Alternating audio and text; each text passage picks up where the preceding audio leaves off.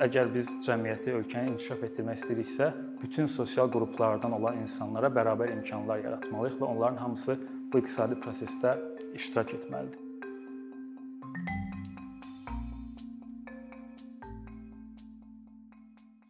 Biz bu gün birlikdə Azərbaycanda qadınların iqtisadi həyatda iştirakçılığından, qadın və kişilər arasındakı iqtisadi bərabərsizliklərdən və bu bərabərsizlikləri ortaya çıxaran amillərdən, eləcə də qadınlara qarşı mövcud olan bu ayrı-seçkilik aktlarının son nəticədə əmək bazarı üçün, iqtisadiyyat üçün və ən sonunda bütün hamımızın rifahına necə təsirləri olmasından danışacağıq.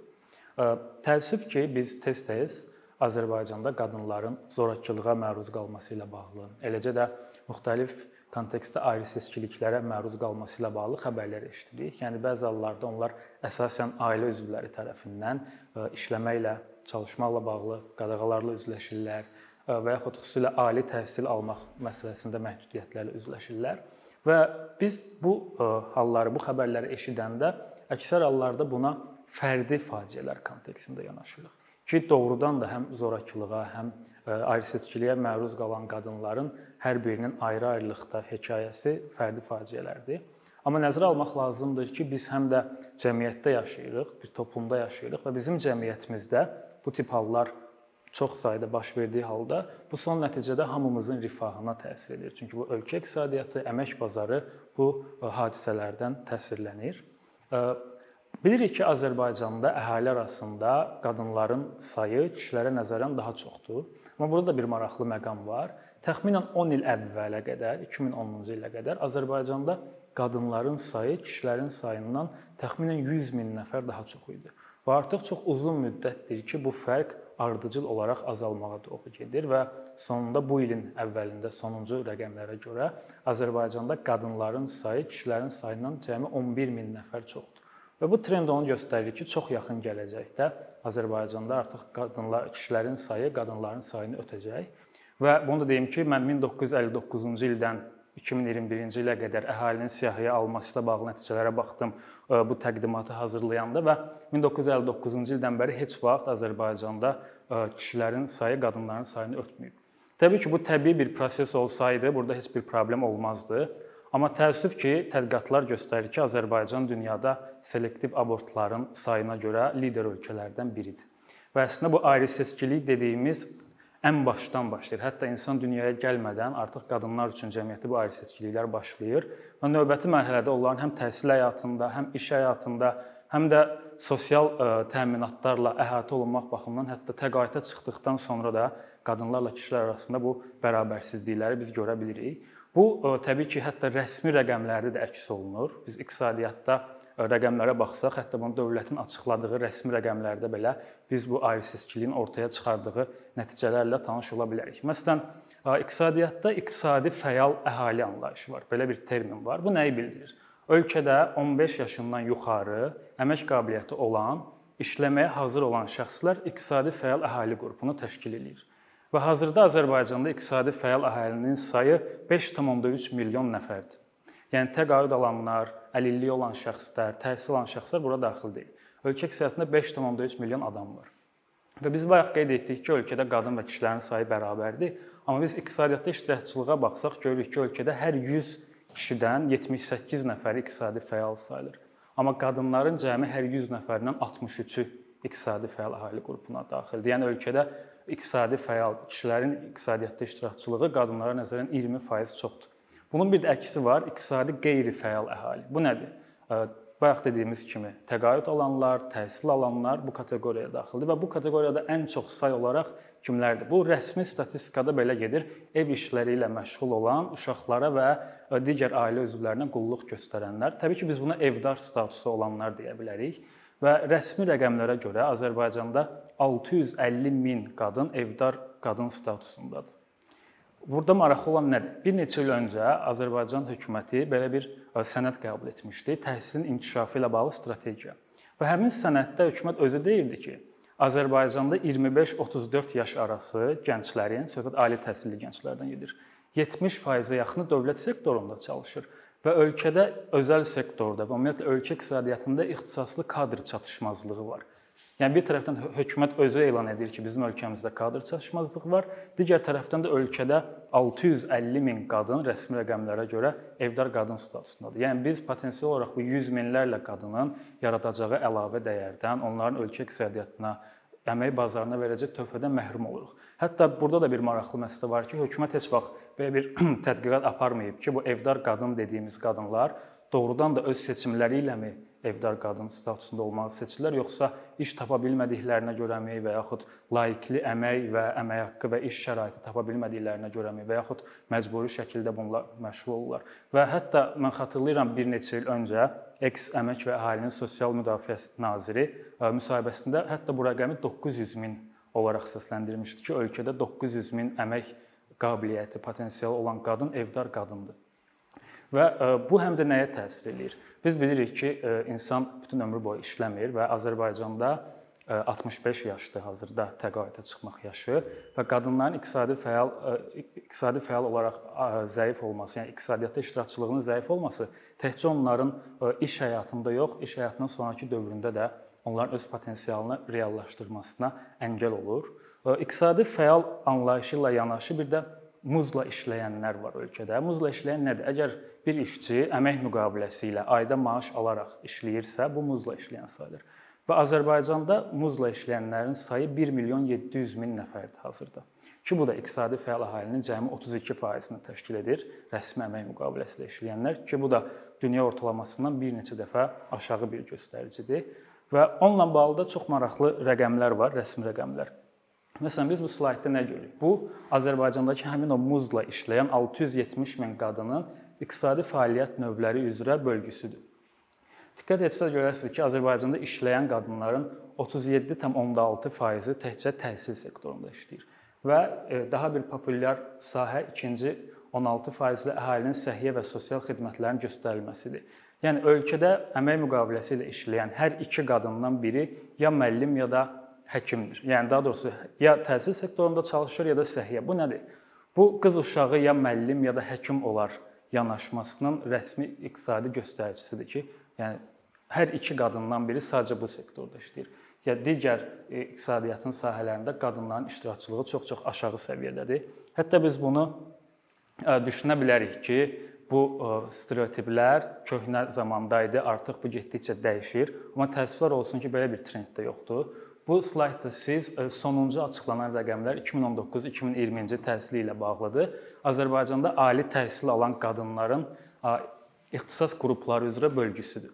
Yenə də biz nəyi görürük? Hal-hazırda ali təhsil alan qadınların 40%-ə yaxını təhsil ixtisaslarında oxuyur və e, daha 9% isə səhiyyə ilə bağlı. Yəni Necə ki, hal-hazırda işləyən qadınların 52%-i sadəcə təhsil və səhiyyə sektorundadırsa, eyni zamanda hazırda oxuyan qadınların da yenə tən yarısı ya təhsil ya da səhiyyə ilə bağlı sektorlarda çalışır. Bu da onu göstərir ki, biz hətta dedik bəzi hallarda qadınlar e, ali təhsil almaq imkanından məhrum olurlar. Hətta ali təhsil almaq şansı olan qadınlar belə bu onu göstərir ki, öz istədikləri ixtisasda yox, daha çox onlara təlqin olunan və cəmiyyətdə oturmuş stereotiplərə əsasən ixtisas seçimi etmək məcburiyyətində qalırlar. Və təbii ki, bu amillər iqtisadiyyatın müxtəlif sahələrindəki kişi və qadınlar arasında bölgüdə də göstərir. Məsələn, biz nəyi görürük? Qadınlar ondan çox iqtisadi fəaliyyət istiqaməti var rəsmi statistikada. Sadəcə son 3 istiqamətdə təhsil, səhiyyə və istirahət, əyləncə, incəsənət sahəsində qadınların payı kişilərin payından çoxdur. İqtisadiyyatın digər bütün fəaliyyət növlərində kişilər qat-qat qadınlardan çoxdur. Məsələn, Azərbaycanın ölkə olaraq büdcə gəlirlərinin əsas hissəsini neft-qaz gəlirləri təşkil edir, mədən çıxarma sənayesi. Həmin sənayədə işləyənlərin 87%-ə yaxını kişilərdən ibarətdir. Və daha bir maraqlı göstərici burada dövlət idarə etməsi ilə bağlıdır. Dövlət idarə etməsində də kişilər təxminən 4də 3-ü kişilərdən ibarətdir. Bu həm də onu göstərir ki, qadınlar tək iqtisadiyyatda yox, siyasi iştirakçılıq baxımından da kişilərdən geridir. Hazırda Azərbaycan parlamentində 125 yerlik parlamentdə cəmi 24 qadın millət vəkili var.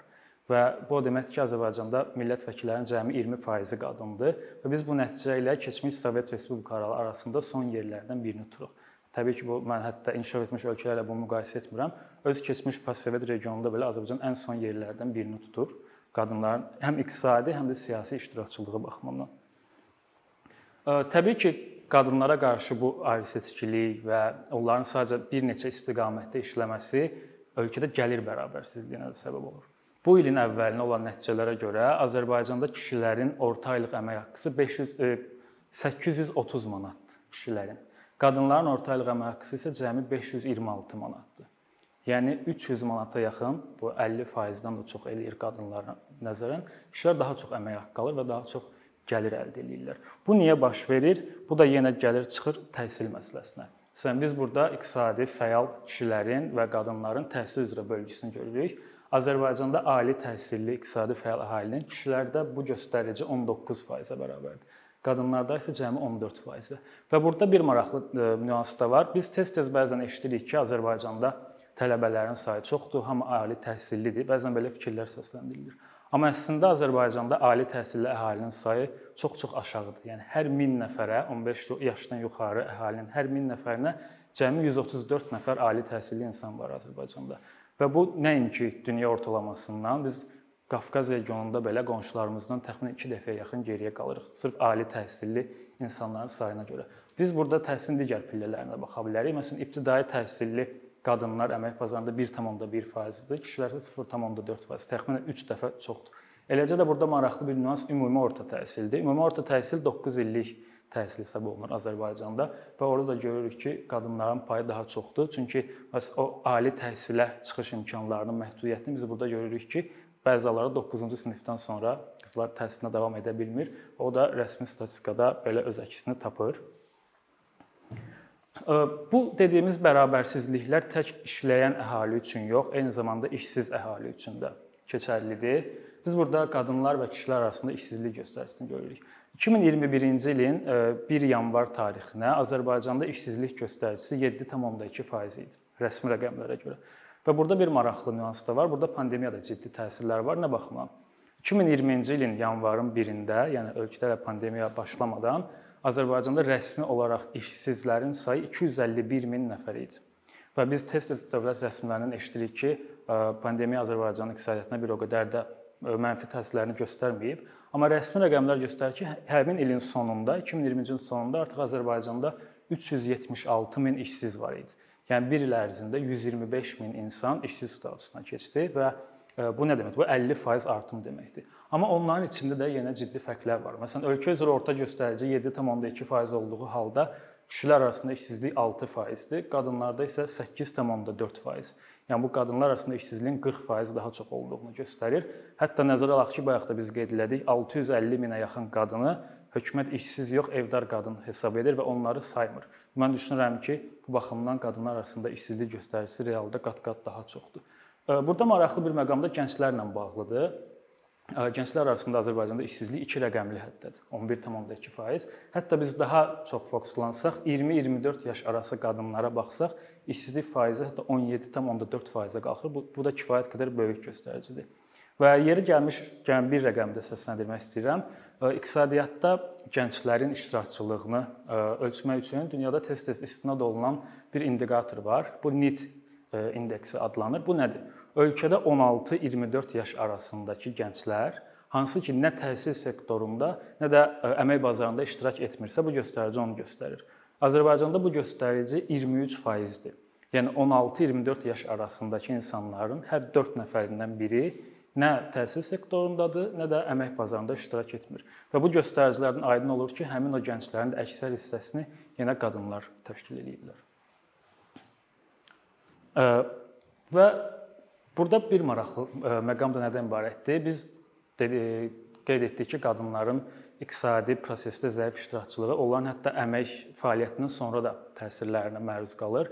Beynəlxalq Əmək Təşkilatının belə bir açıqlama, hesabatı var idi Azərbaycanla bağlı və məlum olmuş ki, Azərbaycanda doğuş həyata keçirən qadınların cəmi 14%-i analıq məzuniyyəti haqqına malikdir. Və bu Avropa ölkələrində 95-100%-ə yaxındır. Hətta keçmiş Sovet respublikalarında da 70-80%-ə çatır. Amma Azərbaycanda cəmi 14%. Eyni zamanda biz bayaq dedik ki, ölkədə muzla işləyən, əmək müqaviləsi ilə işləyən qadınların sayı cəmi 670 min nəfərdir. Bu nəyi göstərir? Ölkədə ki, bütün iqtisadi fəal qadınların cəmi 26%, yəni hər 4-ündən biri ona gələcəkdə pensiya və məzuniyyət hüququ qazandıran əmək müqaviləsinə məxsusdur. Bu nə bu nə deməkdir? Yəni iqtisadi fəal hər 4 qadından 3-ü əmək müqaviləsi ilə işləmir, onların məzuniyyət hüququ yoxdur və bilirsiniz ki, Azərbaycanda çox qəribə bir pensiya sistemi var. Siz bütün ömrünüz boyu işləsəniz belə bu sizin sonda təqaüd ala biləcəyiniz mənasına gəlmir. Təqaüd ala bilmək üçün Azərbaycanda insanlar ya 25 il əmək stajına, rəsmi staja malik olmalıdır, ya da indi 28800 manat sosial kapitala malik olmalıdır. Və əgər siz bu kapitalı və ya bu stajı toplaya bilmirsinizsə, siz e, təqaüd almaq yaşına çatanda bu təqaüdü qazana bilməyəcəksiniz və sadəcə sizə qocalıq müavinəti adlı 130 manatlıq bir ödəniş verəcəklər. Və qadınların da yenə burada e, həmin o ödəniş alan qadınların sayı daha çoxdur, çünki onlar rəsmi iş yeri ilə təmin olunma səviyyəsi aşağıdır və nəzərə almaq lazımdır ki, Azərbaycanda qeyri-məşğul, daha doğrusu kölgə iqtisadiyyatının miqyası kifayət qədər böyükdür və kölgə iqtisadiyyatında çalışan insanların da hər hansı bir əmək hüquqlarının qorunmasından danışa bilmərik. Burada bir məqam da ondan ibarətdir ki, son dövrlərdə bu hesabat yayımlandı. Dünya Bankının millətlərin sərvəti adlı bir hesabatı var. Bu nədir? Bu hesabatın metodologiyasına görə Dünya Bankı dünyadakı bütün ölkələrin sərvətinin dəyərini ölçür və onu qiymətləndirir. Bu 4 e, komponent əsasında aparılır. Birincisi istehsal kapitalıdır. Bu nədir? İnsanların yaratdığı qurğular, avadanlıqlar, bunların dəyəri. İkincisi bərpa olunan və olunmayan təbii resursların yaratdığı sərvətdir. Üçüncüsü insan kapitalıdır, yəni işçilər, onların bilik və təcrübələri. Dördüncüsü isə xalis xarici aktivlərdir. Bunlar da ölkənin qiymətli e, e, birbaşa xarici investisiyalar, səhmlər bura daxildir. E, dünyada bütün dünya üzrə sərvətin 64%-ni insan kapitalı yaradır. Amma Azərbaycanda bu göstərici cəmi 23%-dir. Azərbaycanın sərvətinin 42%-i təbii resurslardan əmələ gəlib. Və biz bu göstəriciyə görə dünyada 4-cüyük. Bizdən öndə olan ölkələr sadəcə İraq, Səudiyyə Ərəbistan və Küveytdir. Və bu üç ölkədən sonra sərvətlərin formalaşmasında təbii resursların ən çox paya malik olduğu ölkə Azərbaycandır. Hətta insan kapitalının sərvətdəki payına görə Azərbaycan dünyanın ən zəif inkişaf etmiş ölkələrindən belə geri qalır. Bu niyə belədir? Çünki bunu tək qadınlara aid etmək olmaz. Ümumiyyətlə ölkədə insan kapitalının e, iqtisadi fəaliyyətdə iştirakçılığı kifayət qədər aşağıdır. Ölkədə əsas gəlirlər neft-qaz sektorundan formalaşır və insanlar əlavə dəyər yarada biləcəyi bir mühit biz onlara təklif edə bilmirik. Amma bunu aradan qaldırmaq e, mümkündür. Biz xüsusilə 2015-ci ildən sonra Azərbaycanda devalvasiya baş verəndən sonra hökumət e, elə bir bir axtarışa başlamışdı ki, bu azalan neft və qaz gəlirlərini nə ilə kompensasiya eləyə bilərik? Və bu bu baxımdan ən çox adı nə çəkilirdi? Kənd təsərrüfatı, turizm, tranzit gəlirləri. Hökumət daha çox bunları ön plana çəkərək neft gəlirlərini məhz bu istiqamətlərə əsasən kompensasiya eləyə biləcəyini düşünürdü. Ancaq mən düşünürəm ki, əgər Azərbaycan dayanıqlı iqtisadi inkişafa nail olmaq istəyirsə, bizim tək yolumuz və ən güclü bizim resursumuz insan kapitalıdır. Ümumiyyətlə iqtisadçılar tez-tez resurs sözündən istifadə edirlər və siz e, iqtisadi nəzəriyyə ilə bağlı kitablar oxusanız, görəcəksiniz ki, hər zaman ilk dərslərdə bu qeyd olunur ki, iqtisadiyyat məhdud resurslar çərçivəsində olan prosesləri öyrənir və bu məhdud resurslardan biri də insan kapitalıdır. Bizim ölkəmizdə milyonlarla insan əlavə dəyər yaratmaq potensialındadır, amma iqtisadi fəaliyyətə qoşula bilmir. Və bunun əsas səbəblərindən biri də ayrı-seçkilikdir və həmin o iqtisadi fəaliyyətdən uzaq qalan, ayrı-seçkiliyə ən çox məruz qalan sosial qruplardan biri də qadınlardır. Müasir inkişaf nəzəriyyələri tez-tez iki termini vurğulayırlar. Bunlardan biri inklüzivlikdir. İnklüzivlik nədir? Əgər biz cəmiyyəti, ölkəni inkişaf etdirmək istəyiriksə, bütün sosial qruplardan olan insanlara bərabər imkanlar yaratmalıyıq və onların hamısı bu iqtisadi prosesdə iştirak etməlidir. İkinci vacib amil dayanıqlılıqdır. Əgər biz inklüzivliyi təmin etməsək, bu dayanıqlılıqdan da söhbət gedə bilməz və hətta hökumətin açıqladığı rəsmi rəqəmlər də onu göstərir ki, ölkədə inklüzivlik və iştirakçılığı qadınların və digər sosial qrupdan olan insan kifayət qədər aşağıdır. Ona görə də əgər biz dayanıqlı iqtisadi inkişafa nail olmaq istəyiriksə, ilk növbədə bu ayrı-seçkiliyi ortadan qaldırmalıyıq. Qadınları iqtisadi həyatda, siyasi həyatda iştirakçılığına daha çox yer verilməlidir. Çünki bayaqdan biz dedik ki, onlar həm təhsilə çıxış imkanlarında məhdudiyyətə üzləşirlər, həm iqtisadi fəaliyyətdə, həm də zorakılığa və ayrı-seçkiliyə məruz qalır. Əslində bunlar bir-birləri ilə çox qarşılıqlı əlaqədə olan bir şeylərdir və bu problemin həlli də və də mentalitet və stereotiplərdən daha çox bunların həlli üçün siyasi mexanizmlər hökumət e, təklif etməlidir. Ona görə ki, necə ki biz deyirik, qadın qətilləri siyasidir və bu ayrı seçkilik də əslində siyasidir və bunun aradan qaldırılması üçün hökumət daha effektiv siyasi mexanizmlərlə çıxış etməlidir. Bir neçə ildir ki, əkinçi olaraq Azərbaycanlı izləyicilərin hər zaman faydalana biləcəyi keyfiyyətli və ən əsas ödənişsiz kontent hazırlamağa çalışırıq. İndiyədək təqdim etdiyimiz onlarla animasiya və yüzlərlə çəkilişlər tələbələrin, mütəxəssislərin, müəllimlərin və ümumiyyətlə yeni mövzulardan xəbərdar olmaq istəyən çox sayda insanın marağına səbəb olub. Bu illər ərzində hazırladığımız videolar təhsil, texnologiya, ictimai fəallıq, iqtisadiyyat, gender bərabərliyi, ətraf mühit, ifadə azadlığı, hüquq, demokratik inkişaf, mədəniyyət və digər mövzuları əhatə edib. Məqsədimiz çoxlu baxış gətirən deyil, çoxlu fayda gətirən videolar hazırlamaqdır. Amma bu düşündüyümüz qədər asan deyilmiş. Gördüyümüz iş kifayət qədər resurs, əmək və təbii ki, davamlılıq tələb edir. Bu səbəbdən Patreon platformasından istifadəyə başladıq. Əkinçinin Patreon hesabının populyarlaşmasına çox böyük ümidlərimiz və gözləntilərimiz var.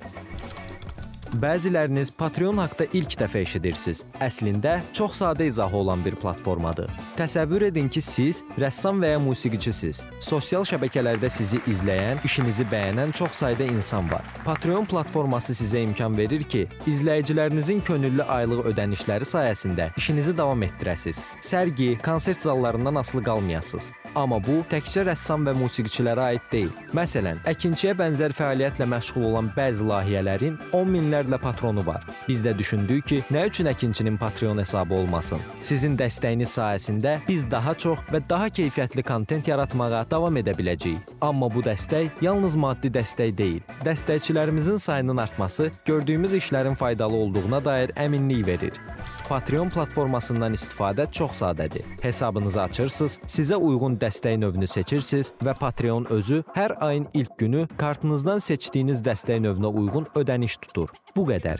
Sonda onu demək istəyirik ki, dəstəkçilərin sırasına qoşulmaq istəyən, amma məhdud imkana görə bunu edə bilməyənlər narahat olmasın. Daha öncə dediyimiz kimi, bizim əsas məqsədimiz daha çox insanın hər zaman faydalana biləcəyi keyfiyyətli və ödənişsiz kontentin yaradılmasıdır. Bunun üçün mütləq patronumuz olmalısınız deyə məcburiyyət yoxdur. Amma imkanınız patron olmağa çatırsa və bizim işimizi bəyənirsinizsə, patronlarımızın sırasına qoşulmağınız bizim üçün çox önəmlidir.